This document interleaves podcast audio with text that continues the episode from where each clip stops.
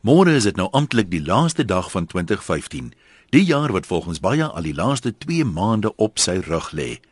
Dit behoort 'n jeuglike dag vir die meeste mense te wees, want elke tweede Jan Rapp en sy maat koeste nou al 'n geruime tyd die versigtiging dat die jaar nou net moet klaar kry. Ek verstaan nie regtig hoekom nie, want hoe gouer 2015 finaal sy laaste asem uitblaas, hoe gouer begin 2016, 'n jaar wat volgens alle aanduidings nog meer uitdagend gaan wees. Tog is daar iets spesiaals daarin om as dit ware oor te begin op 'n skoon bladsy, amper soos 'n wedergeboorte. 'n Mens kan dit natuurlik enige dag doen, maar dit is tog makliker as dit saamval met 'n splinternuwe jaar. Dis bloot makliker om die swaar rugsak met emosionele bagasie af te haal en om in die vorige jaar te los terwyl jy feesvier om die nuwe jaar te verwelkom. Al is dit iets wat broos. Maar wat vier ons nou eintlik? Die feit dat ons 2015 oorleef het? Dis 'n goeie begin, maar teen Paasnaweek sal baie mense alweer begin wens dat die jaar ook nou maar kan verbygaan. Dit word gereeld gesê dat jou attitude die grootste enkele faktor is wat bepaal of jy sukses gaan behaal, maak nie saak op watter gebied nie. En natuurlik kan net jy jou eie attitude bepaal. So as jy hoop om in 2016 byvoorbeeld beter persoonlike verhoudinge te hê met jou lewensmaat, jou kinders of jou kollegas, moet jy dit laat gebeur.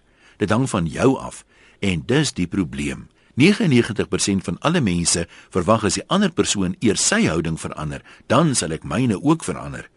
Intussen versamel ons redes om nie te verander nie. As jy jouself as 'n Christen beskou, behoort jy Romeine 12 vers 1 dalk op jouself te begin toepas.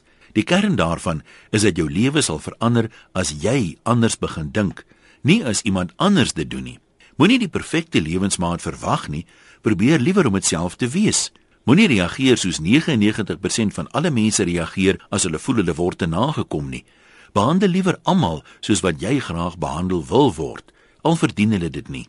Die groot verskil is dat jy dan beheer neem oor jou lewe en uitstyg bo kleinlikheid. Dalk het jy al gehoor van die serenity prayer, maar dit beteken niks as jy dit nie toepas nie.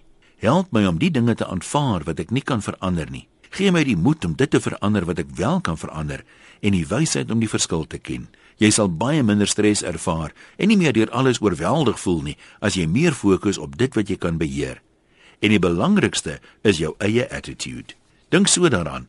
As jy in 2016 beter resultate wil hê, sal jy iets anders moet begin doen.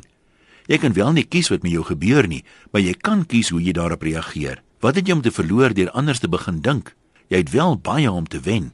Die enigste rede hoekom sommige mense gelukkig en hoopvol kan wees onder presies dieselfde omstandighede waaronder ander klaagliedere aanhef, is omdat hulle anders dink. En omdat hulle anders dink, kyk hulle anders na alles en dan lyk alles skielik anders. amper soos 'n wedergeboorte. Dis nie moontlik om 'n kermderm te wees en terselfdertyd gelukkig te wees nie. Jy kan in 2016 weer 'n streepsak se emosionele bagasie saamsleep of jy kan jouself daarvan bevry en dit 'n baie beter jaar maak al bring hy groter uitdagings. Dis jou keuse, maar wat jy ook al kies, my wens vir jou bly 'n voorspoedige en gelukkige 2016. Groete van oor tot oor. Tot volgende jaar. Antoniem